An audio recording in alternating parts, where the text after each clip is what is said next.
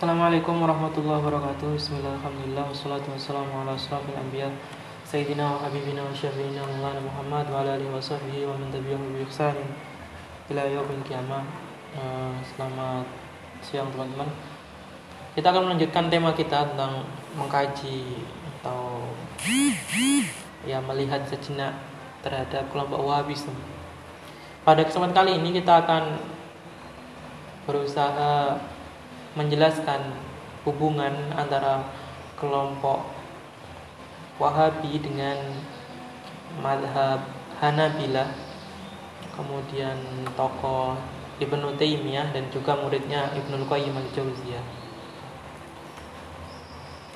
Ada satu pertanyaan yang sering diungkapkan yaitu apakah Wahabi itu bagian dari madhab-madhab tertentu misalnya madhab Hambali yang di yang sering uh, dikaitkan dengan kelompok Wahabi atau juga madhab Hambali itu uh, for your information Ibnu Taimiyah itu madhab bermadhab Hambali. Meskipun dalam prakteknya terkadang beliau berijtihad sendiri keluar dari pendapat madhab Hambali.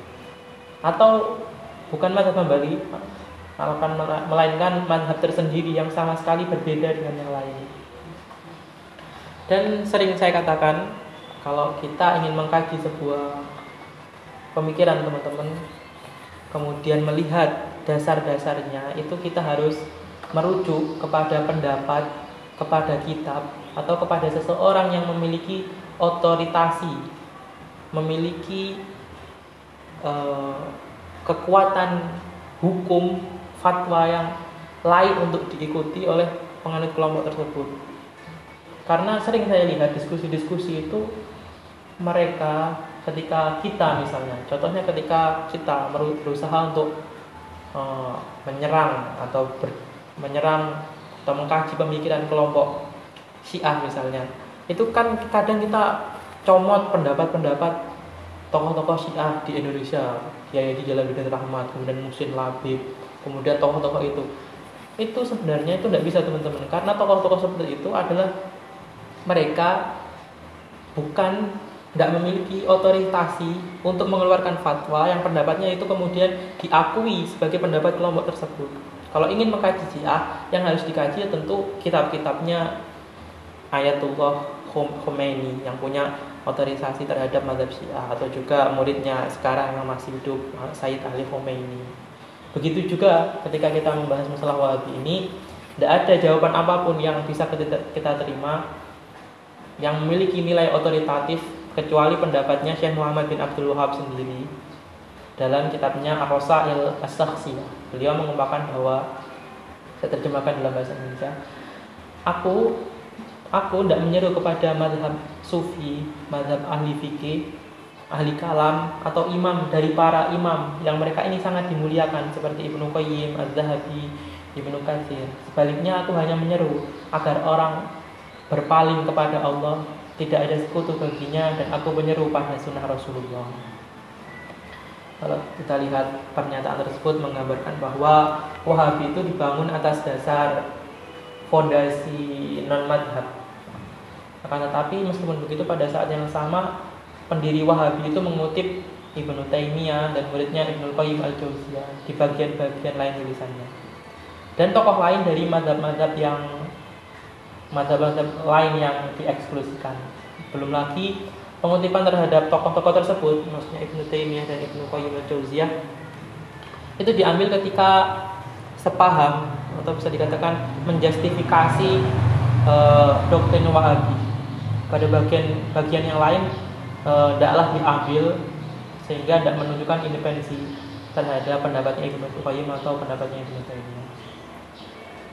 Sementara kelanjutan dalam kritik atas mazhab dalam hal uh, Wahabi mengkritik terhadap praktek mazhab sangat jelas disebutkan dalam kitabnya Syekh Muhammad bin Abdul Wahab yaitu kitab Tauhid. Beliau mengatakan bahwa kondisi zaman telah berubah sampai titik kulminasi yang demikian sehingga mayoritas orang beranggapan menyembah orang-orang solid adalah amal yang paling mulia penyembahan kepada orang-orang solih itu dinamakan suatu kewalian.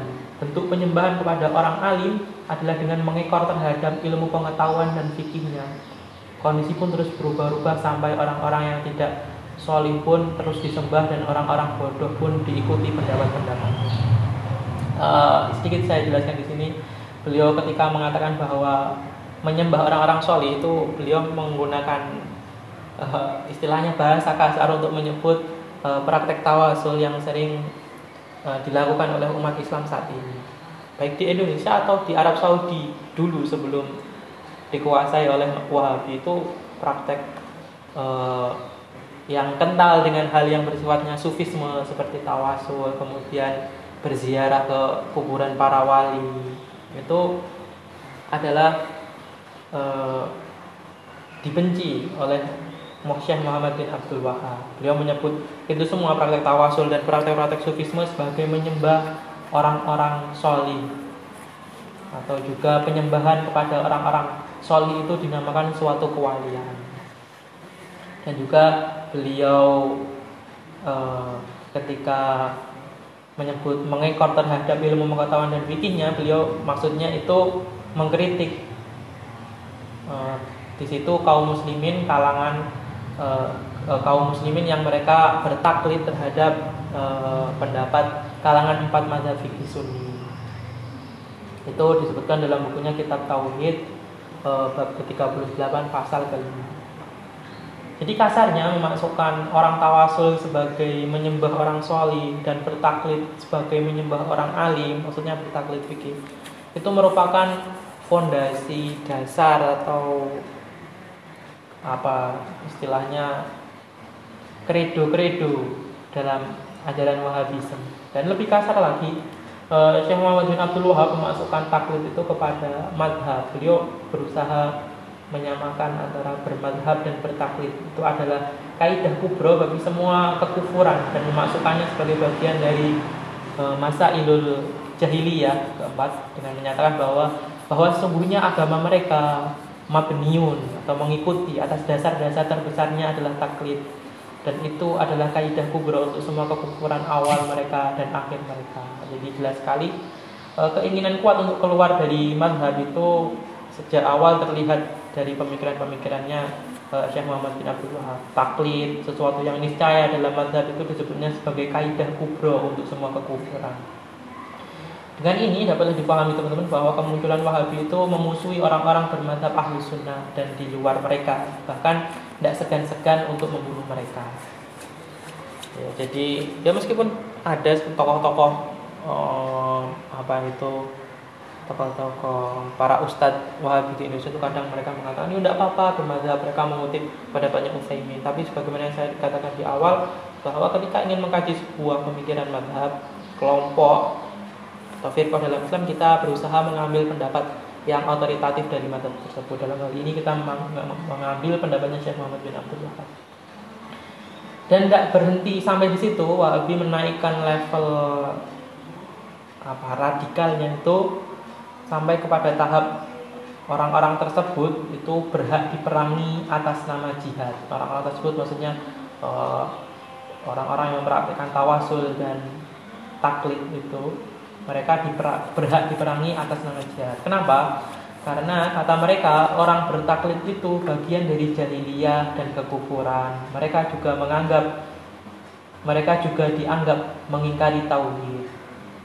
Uh, salah satu tokoh kalangan Wahabism yaitu Ibnu Bishir, sejarawan Ibnu Bishir dalam kitabnya Unwanul Masjid menyebutkan bahwa Amrasu Sayyid bil jihad linan anggara tauhid min ahli jihad Lalu peperangan-peperangan melawan umat Islam sendiri didaftar oleh Ibnu Bishir dengan titel Al-Khawadif. Sementara Ibnu Ghanam dalam bukunya Tarikh Najd memasukkan dalam titel Al-Ghazawat. Dan karena kemunculan Wahabi ini dari kalangan mazhab Hambali meskipun timbul perdebatan di kalangan mereka eh, kemunculan Wahabi dari kalangan mazhab Hambali itu kedekatan kutipan kepada tokoh-tokoh mereka sangat masuk akal. Contoh yang bisa disebut adalah Ibnu Taimiyah dan muridnya Ibnu Qayyim al-Jauziyah. Jika Wahabi cocok atau suka keduanya banyak dirujuk. Catatan lain yang memang harus teliti betul, pendiri Wahabi dianggap tidak mewakili madhab Hambali sebagaimana dalam kitabnya Suhbul Wabilan antara Ihil Hanabilah yang ditulis Ibnu Humaid dalam kitab tersebut nama Muhammad bin Abdul Wahab tidak dimasukkan dalam jajaran juris atau tokoh Hanabilah atau orang yang uh, besar dalam tokoh madhab Hambali. Dan pada saat yang sama kitab tersebut mendaftar ayahnya yaitu Abdul Wahab juga Ibnu Ibnu Taimiyah dan Ibnu Qayyim. Saya masih ingat cerita sebenarnya uh, ayahnya Syekh Muhammad bin Abdul Wahab yaitu Syekh Abdul Wahab itu seorang yang bermadhab. Beliau bermadhab Hanabilah bermadhab Hambali. Dan juga beliau yang Muhammad bin Abdul Wahab punya kakak namanya Sulaiman bin Abdul Wahab. Dan keduanya ini jadi disebutkan ketika Muhammad bin Abdul Wahab pulang dari mencari ilmu di Madinah di Basrah ada juga riwayat lain bukunya maksudnya menyebutkan dia ke Isfahan. Kemudian kembali kemudian beliau berusaha merenung berkontemplasi dan juga apa itu menjustis ajaran mana yang tepat dan kemudian ketika dia sudah sampai pada kesimpulan mendakwahkan maka orang tuanya yaitu Syekh Abdul Wahab dan ayahnya dan kakaknya Sulaiman bin Abdul Wahab itulah yang pertama kali berusaha e, menghalang-halangi karena tahu bahwasanya pemikiran Muhammad bin Abdul Wahab itu pemikiran yang gore, pemikiran yang asing, yang ditolak dalam Islam dan menyeleweng. Dan disebutkan juga ketika Muhammad bin Abdul Wahab berhasil menghimpun pasukan, justru keduanya ayahnya tadi Syekh Muhammad bin Abdul Syekh Abdul Wahab dan Syekh Sulaiman bin Abdul Wahab bin Abdul Wahab termasuk orang-orang yang dikejar-kejar untuk dibunuh karena mereka dianggap meskipun dalam jajaran keluarga mereka tetap dianggap sebagai uh, orang-orang yang menghalangi terhadap dakwah Islam dan berhak untuk dibunuh. Halal darahnya. Itu sekilas cerita saja Sementara itu dalam kitab Salafi yang lain yaitu Ulama ul Hanabila karya Bakar bin Abdullah bin Abu Zaid menyebut nama Muhammad bin Abdul Wahab. Sampai di sini kita mengerti di kalangan uh, Wahabi sendiri itu uh, terjadi silang pendapat. Fase berikutnya adalah terjadi evolusi doktrin Generasi penerus Syekh Muhammad bin Abdul Wahab lebih tegas mengidentikan pendiri Wahabi sebagai bagian dari madhab Hambali yang sebelumnya tidak dikenal. Seperti Jamil Zainul misalnya menyebutkan dalam kitab Minhajul Firqah An-Najiyah beliau menyebutkan bahwa e, secara umum telah diketahui bahwa dakwah yang dilakukan Syekh Muhammad bin Abdul Wahab bukan merupakan madhab baru tetapi dakwah ini berdasarkan akidah salaf ahlu sunnah wal jamaah dalam urusan furuk beliau mengikuti madhab Imam Ahmad bin Hanbal. Nah, kutipan ini adalah konstruksi baru dan berbeda dengan pendiri Wahabi sendiri sebelumnya. Nabi Muhammad bin Abdul Wahab bahwa Wahabi adalah bagian dari madhab Hambali dalam fikih dan ahlu sunnah wal jamaah dalam akidah.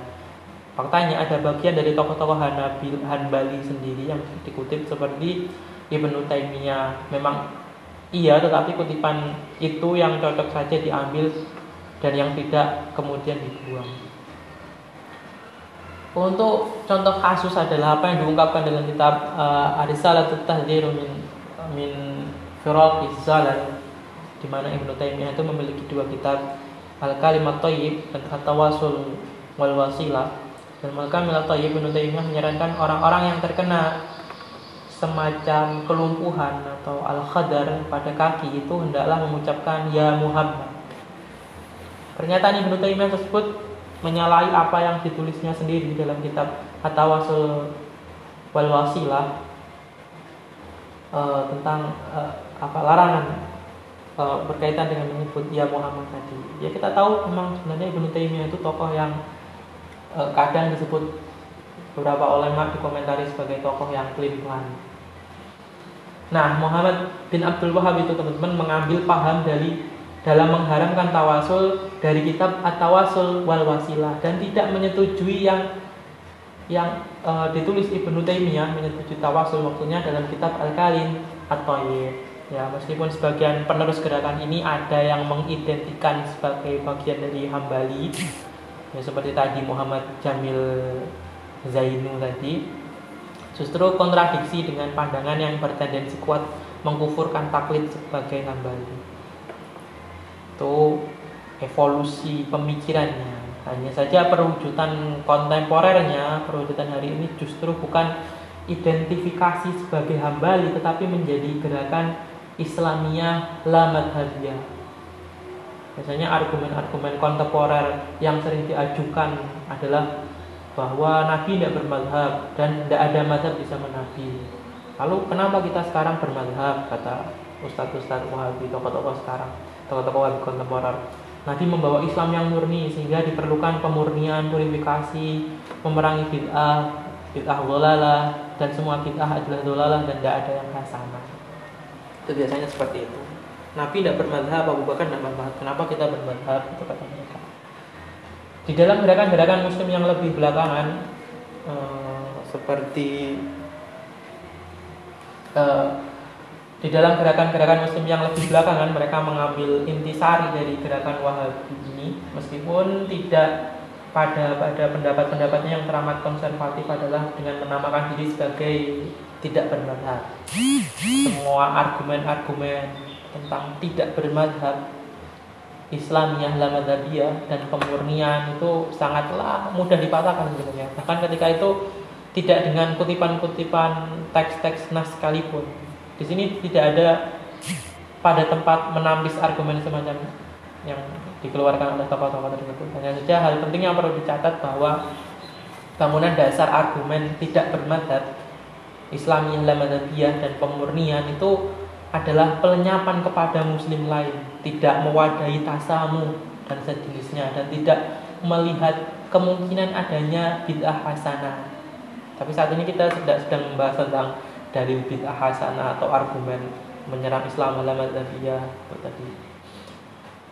Ketika karena argumen-argumen mereka diradikalisasi menjadi dari ukhuwah kepada takfir, dari takfir kepada taktil dalam beberapa hal, maka inheren yang terkandung dalam Islam yang dalam itu atau tidak bermadhab itu adalah pukulan dari dalam peradaban Islam sendiri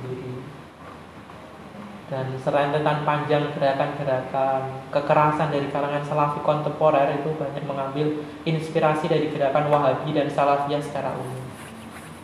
Keduanya bertemu dan diramu melahirkan eksperimen-eksperimen baru yang saling berbenturan satu sama lain meskipun dari induk rahim yang sama. Ada yang bermodel seperti Al-Qaeda, ISIS, dan ada yang menerima demokrasi dalam batasan-batasan tertentu dan benang merahnya itu semuanya itu kalau ditarik apa itu garis buku dasarnya itu adalah purifikasi selalu hadir dalam seluruh gerakan membayangi seluruh gerakan imajinasi Wahabi dalam batas-batas yang mereka pikirkan dan mereka buat sendiri.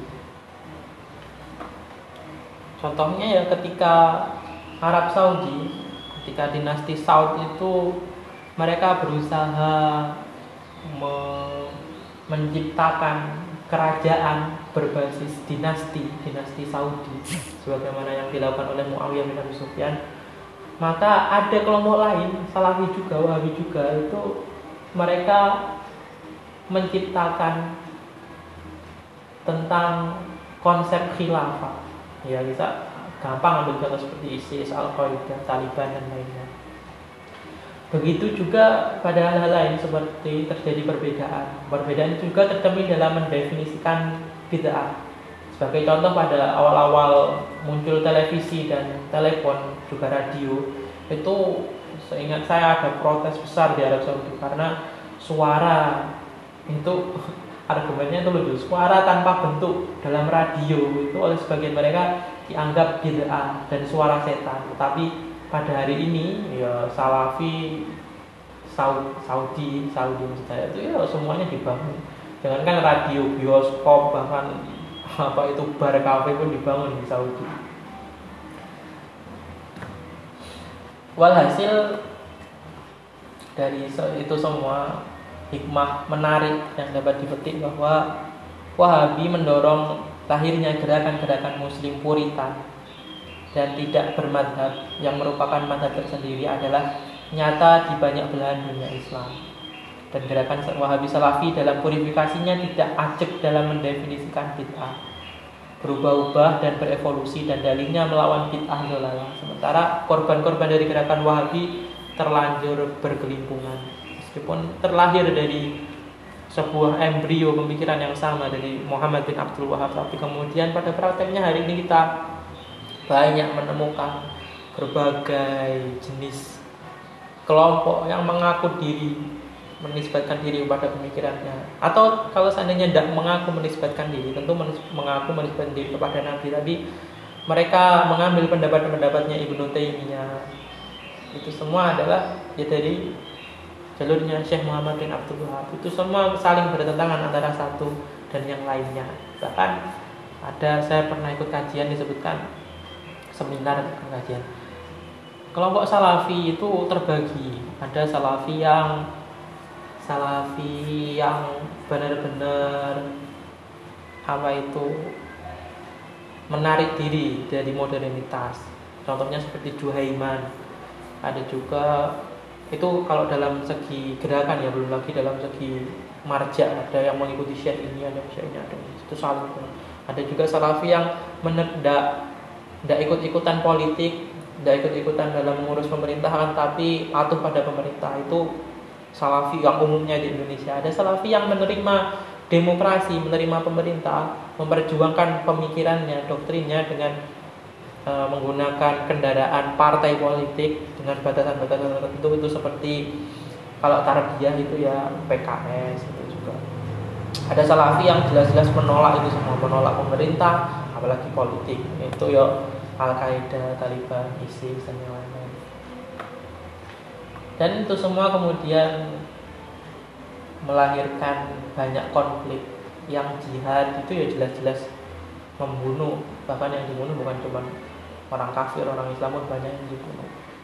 Kan tapi yang saya maksud itu yang terjadi di perkotaan atau di bahkan pedesaan Indonesia saat ini kemudian memunculkan banyak konflik-konflik antara ormas atau bahkan dalam keluarga sendiri karena kemudian ada salah satu keluarganya yang masuk ke dalam aliran Wahabi. Banyak kisah-kisah seperti itu, seperti kisah ada seorang pemuda baru ikut kajian, kemudian pulang seluruh apa itu lukisan, foto di itu dihancurkan dan semua celana itu dibunting. Marahlah orang tuanya. Wah, akhirnya berantem. Wah, itu cuma satu dari sekian korban. Maka menjadi masalah bagi kita di Indonesia ketika purifikasi, tadi saya berbelit puritanitas atau puritan yang benar itu purifikasi. Maka menjadi masalah bagi kita di Indonesia ketika purifikasi itu terlanjur e, ketika purifikasi dan tidak bermadhab itu Islamnya madhabnya itu ternyata adalah pelenyapan kepada muslim lain dan non madhab adalah teror karena tidak mengakui keragaman madhab-madhab dan tidak mengakui adanya bid'ah hasanah dan karena pula tidak mengakui tasamuh, ukhuwah islamiyah, ukhuwah syahbiyah dan ukhuwah insaniyah. Saya kira itu dulu pada kesempatan kali ini. Eh, pada pertemuan berikutnya kita akan membahas tentang salah satu ormas terbesar kedua di Indonesia yaitu Muhammadiyah. Karena kalau kita lihat sekilas itu Muhammadiyah itu mirip dengan Wahabi dalam hal fikih atau nanti kita bisa lihat dalam segi sejarahnya. Saya kira itu dulu akhirul kalam. Saya berjumpa di pertemuan berikutnya. Wassalamualaikum warahmatullahi wabarakatuh.